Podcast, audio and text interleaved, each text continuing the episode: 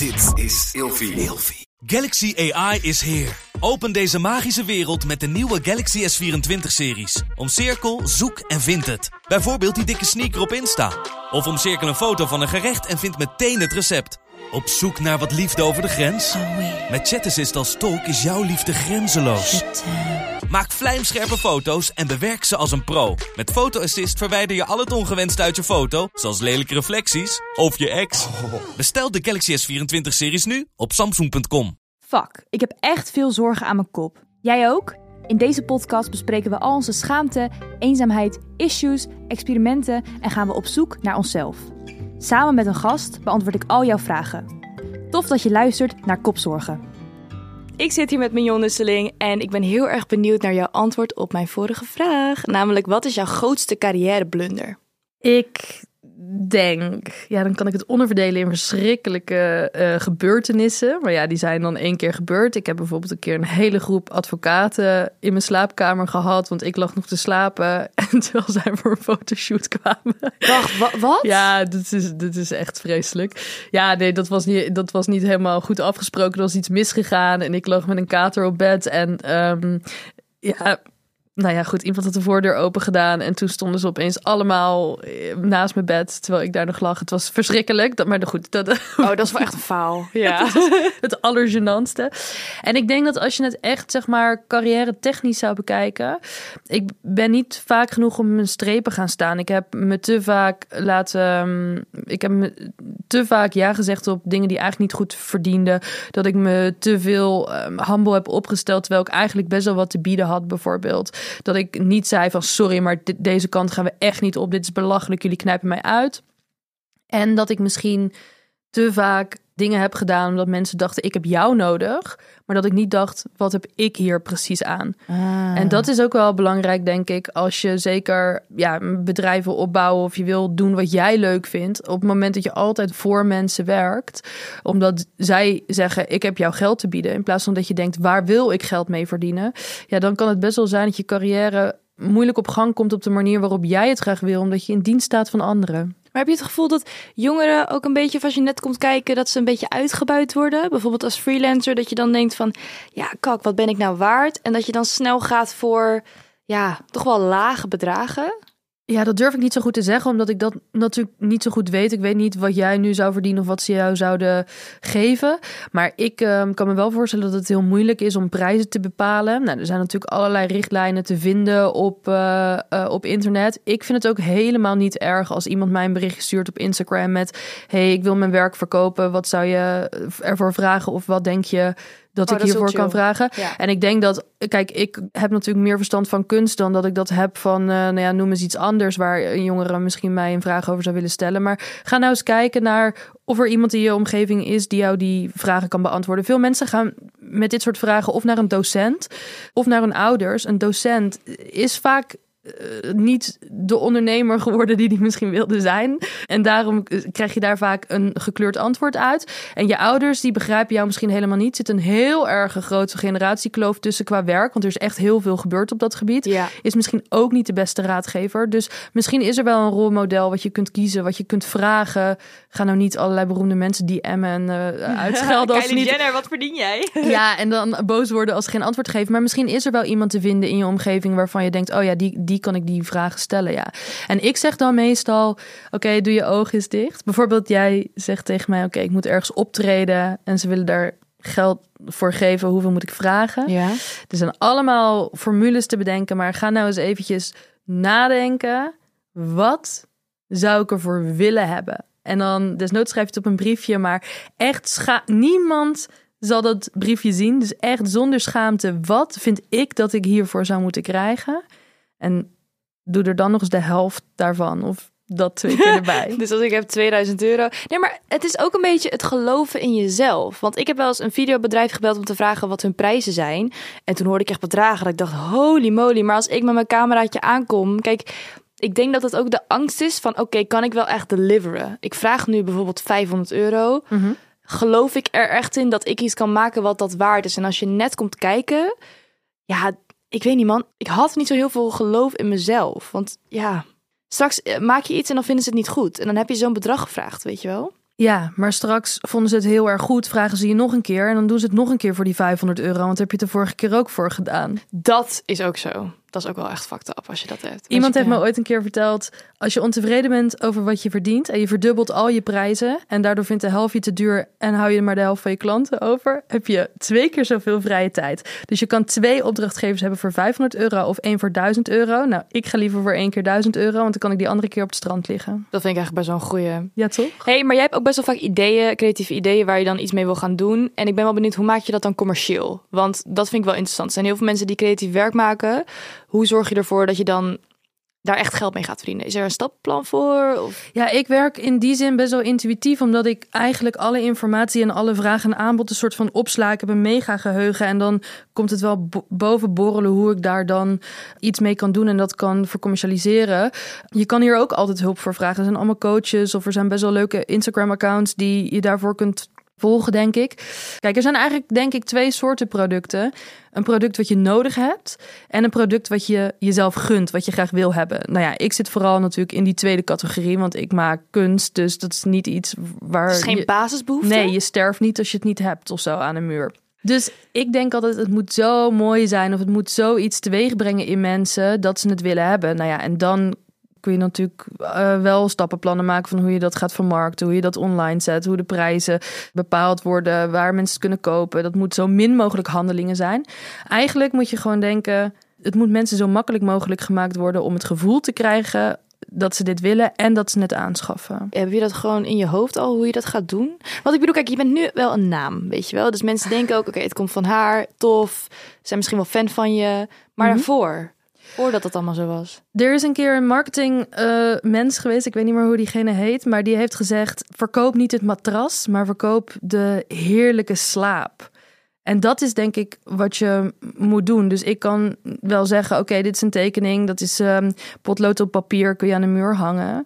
Nee, dit is een tekening. En elke ochtend als je koffie gaat drinken en je zit op de bank, dan kijk je hier naar en dan geef je dat een gevoel in je buik. En wat zie je en wat droom je en welke fantasie wordt er eh, in je aangewakkerd? En Geloof in je eigen product. ja, je moet het effect van je product kennen en niet zozeer het product zelf. Want iedereen verkoopt producten. Maar waarom is jouw product nou, waarom is dat energetisch of The qua why. gevoel? Precies. ja. Ik ga nooit vechten voor jouw product zoals jij dat doet. En jij nooit voor het mijne zoals ik dat doe.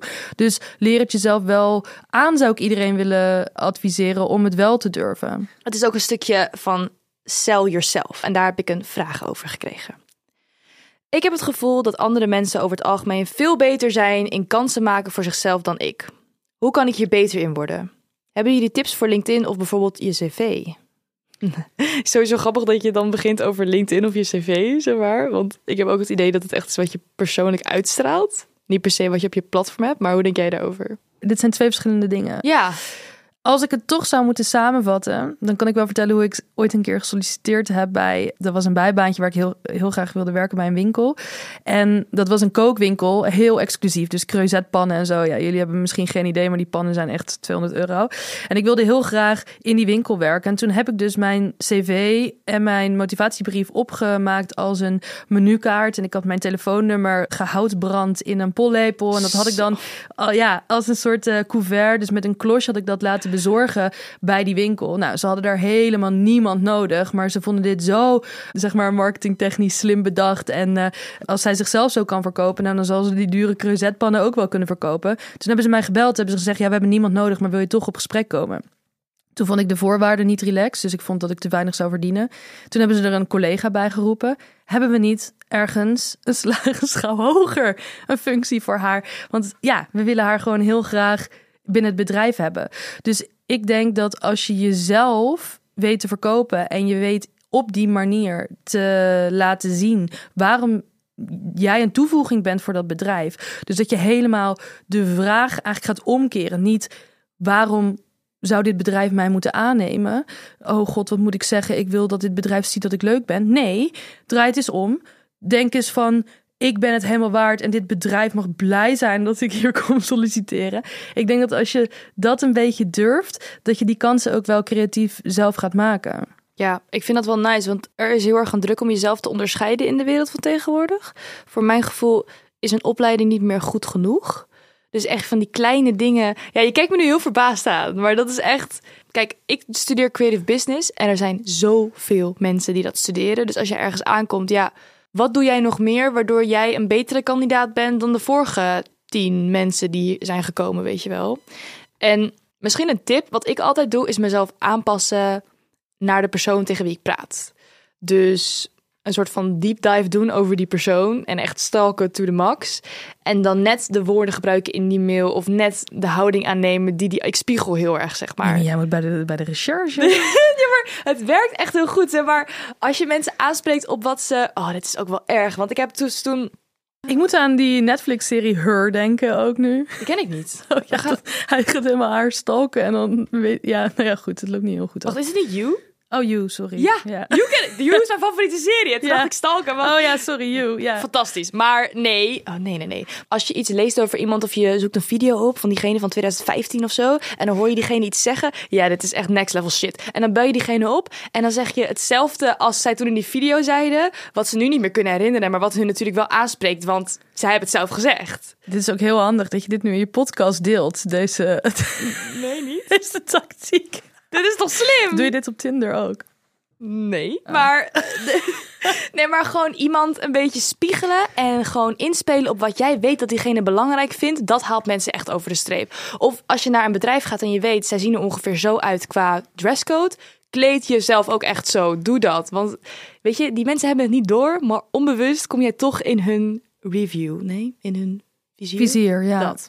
Nou ja, omdat we het, eh, we hadden het even over Netflix. Waarom klik je de ene serie wel aan om te kijken en de ander niet? Ga jezelf eens even bekijken alsof je iets bent wat geselecteerd moet worden als een serie. Is het de coverfoto? Is het de beschrijving? Als er een hele stapel sollicitaties op iemands ehm, bureau ligt, maar gaat ook bijvoorbeeld om een hele op dit moment zit ik bijvoorbeeld in een traject waarin ik het moet afleggen tegen een andere illustrator om een klus te doen.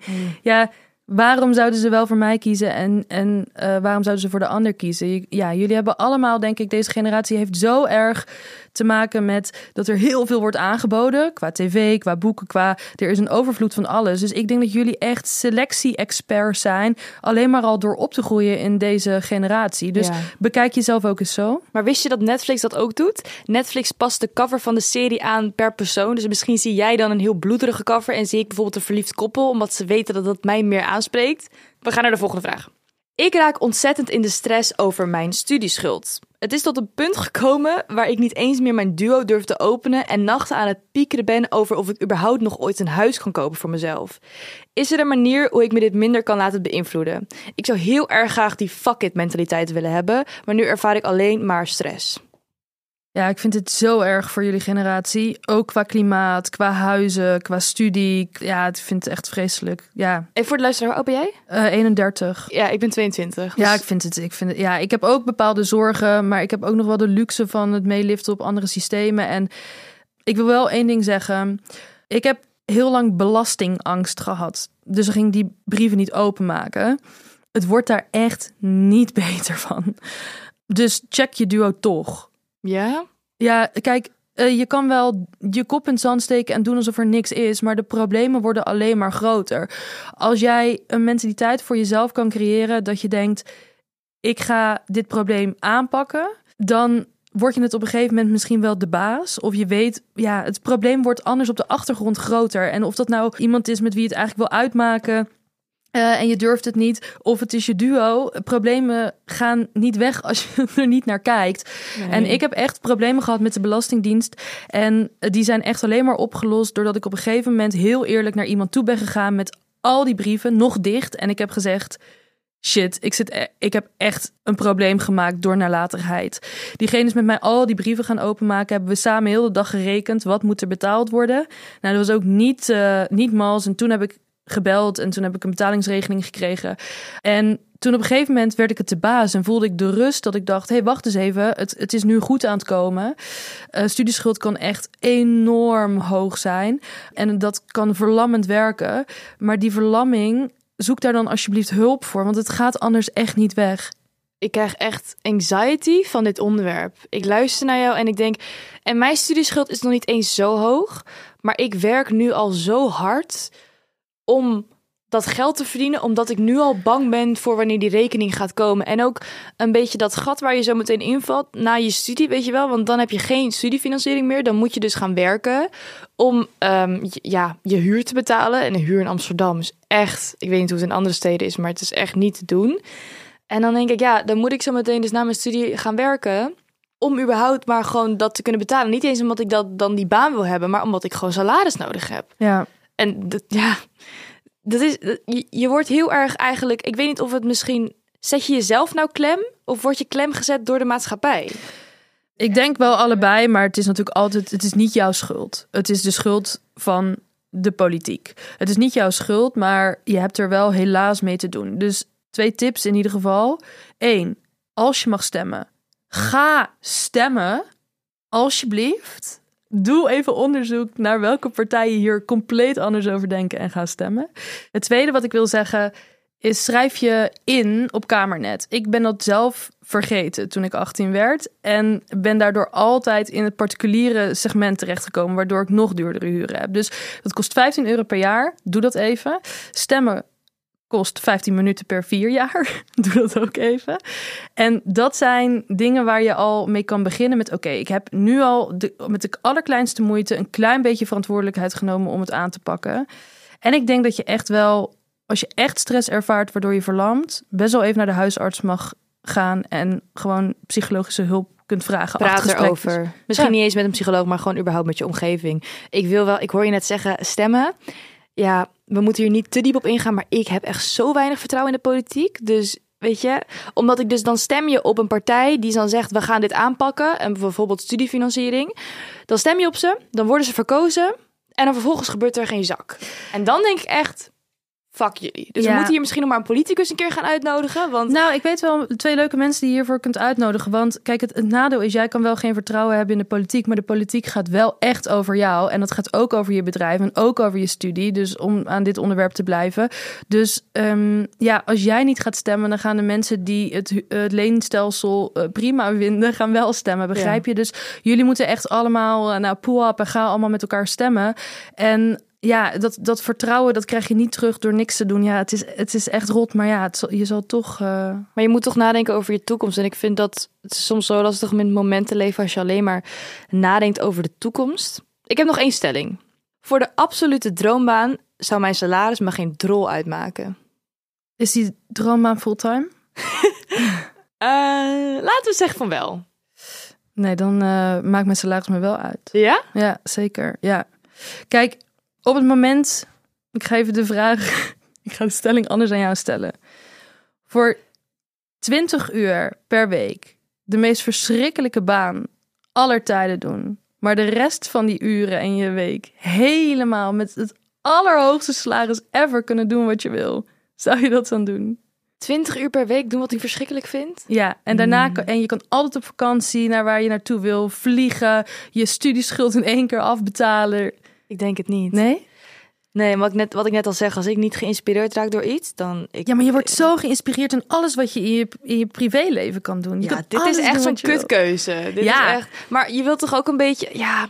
Aan de ene kant, je wil ook gewoon vastigheid. En dat biedt salaris je dus in dit geval wel. Want ik weet, jij bent heel open geweest over je Asperger in verschillende interviews. Eh, kun je even kort uitleggen wat dat is? Wat voor de luisteraar? Ja, tegenwoordig gebruiken we die benaming niet meer. Dan zit je op het autisme spectrum. Eh, en ja, de variant die ik heb is eh, wel vrij sociaal. Dus daarin heb ik wel het privilege dat ik wat makkelijker door bepaalde situaties beweeg. Maar op andere facetten kan ik heel onbuigzaam zijn. Ja. Maar dan heb je dan niet ook dat je denkt van, ik wil mijn toekomst set in stone. Want ik weet niet of het een vooroordeel of aanname is, maar als je autisme hebt, dan wil je graag denk structuur en Mhm. Weet je wel, dat het gewoon een beetje, een beetje zekerheid. Voor mijn gevoel zit je daar totaal aan, de andere kant. Maar hoe ervaar jij dat dan? Dat ik nu aan de andere kant zit. Ja, met wat je doet.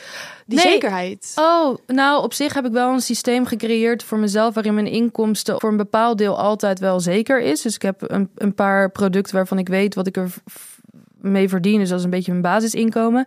En alle andere dingen die ik doe, die zijn er eigenlijk bovenop. En die gaan eigenlijk allemaal over alles waar ik al verstand van heb. Dus ik hoef me nooit echt voor te bereiden. Ik kan altijd overal gewoon aanschuiven en iets over kunst vertellen. Waardoor ik eigenlijk ondanks dat natuurlijk de plekken waar ik sta altijd wel anders zijn, mijn werk eigenlijk altijd wel hetzelfde is. Het gaat altijd over kunst en het gaat altijd over bijna altijd met sprekend openbaar, wat me vrij makkelijk afgaat. Dus in die zin heb ik best wel veel, ja, dezelfde dagen. En mijn droombaan, daarom stel ik jou die vraag terug. Mijn droombaan is de vrijheid dat ik altijd mezelf kan zijn. En als mijn droombaan dat niet faciliteert, of zoveel energie kost dat ik eh, ja, dus in mijn vrije tijd bij aan het komen ben daarvan. Ja, ik weet niet. Ik denk dat dat altijd zo hand in hand gaat. Ja, nu wordt het een beetje spiritueel zweverig misschien, maar er is altijd een opoffering, ook in een droombaan. Als jouw droombaan iets is waarvan je denkt, ja, hier heb ik voor gestudeerd, dit is alles wat ik wilde, dan maar 60 uur per week werken, ik doe wat ik leuk vind en je hebt eigenlijk geen vrije tijd meer, is dan die droombaan niet bijna je identiteit geworden? Hoe weet je nog of het je droombaan is? Ja. Terwijl als je gewoon denkt, oh, dit zijn niet zulke leuke dingen om te doen, maar weet je wat, ik verdien er heel goed mee. En in mijn vrije tijd kan ik, oh, kan ik eigenlijk een soort droombaan voor mezelf ernaast gaan doen, creëren, een droomleven. Ja, dan is dat de andere kant van de medaille. En welke kant is dan mooier of glanzender? Ik, ik denk dat het altijd een soort samenloop zal zijn van leuke en minder leuke dingen. En dat die balans voor jezelf vinden en elke dag even aan jezelf vragen: is dit nog de koers die ik wil varen? Dat dat veel meer doet dan dat plan uitvoeren waarvan je ooit hebt besloten dat het je droombaan is. Wauw. Ja, Ja, ook wat ik heel erg hoor is... het hoeft niet altijd alleen maar leuk te zijn. Zo is het leven nou eenmaal niet. En waar we het ook het over hebben, de droombaan... misschien is die er ook wel niet. Want wat je zegt, er zijn altijd opofferingen die je moet doen. Dus wat ik echt heel mooi vind en wat ik hier denk uit mee wil nemen... is vooral wat je zegt, die check-up. Dat je gewoon de koers vaart en dat je af en toe denkt... hey, is dit nog wat ik wil? Dat echt dat voelen in plaats van altijd maar doorgaan en doorgaan en doorgaan. En dan op een gegeven moment ergens belanden waarvan je denkt... oh, dit, dit is het eigenlijk niet. Nou ja, bijvoorbeeld met mijn autisme. Je begon er net even over. Ik weet, op een gegeven moment ben ik afgekeurd door iemand van de overheid tot 24 uur. Ze zeiden, nou, met jouw prikkelverwerking kun jij maar 24 uur per week werken. En je moet ja, prikkelarm werk doen. Dus op een gegeven moment hadden ze bedacht dat ik misschien wel bijvoorbeeld eh, eten conserveren in een ziekenhuis. Helemaal niet gekeken naar mijn opleiding, helemaal niet gekeken naar mijn passies. Alleen maar gekeken wat is prikkelarm en wat duurt maximaal 24 uur.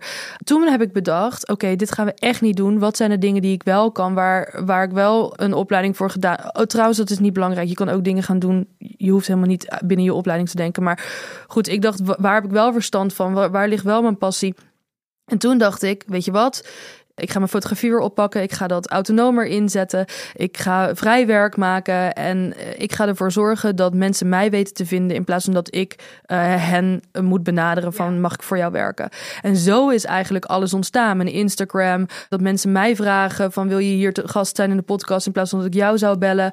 En niet omdat ik per se ondernemer wilde worden, maar omdat ik dacht, ik ga niet mee in wat de maatschappij zegt dat ik als autist moet doen, zeg maar. En ja, voor mij was dat dan zo'n klap in het gezicht dat ik echt dat heel snel ben gaan doen. Maar iedereen zou zo moeten nadenken. Je eigen koers volgen. Ja, wa- wat wil jij? Wat voel je? Ik heb echt nog zoveel wat ik wil vragen, maar we zitten ook een beetje tegen de tijd aan.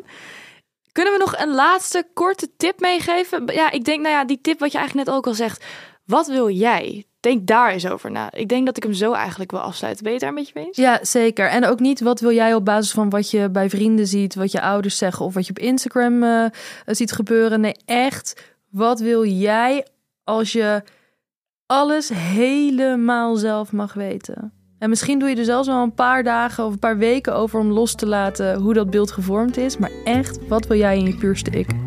Hey, bedankt dat je langs wilde komen in de podcast. Dank je dat ik hier mocht zijn. Ik vond het echt een heel mooi gesprek. Thanks. Hey, voor de luisteraar, ik hoop dat jullie een beetje geïnspireerd zijn door Mignon. Ik in ieder geval wel. Bedankt voor het luisteren en tot de volgende kopzorgen.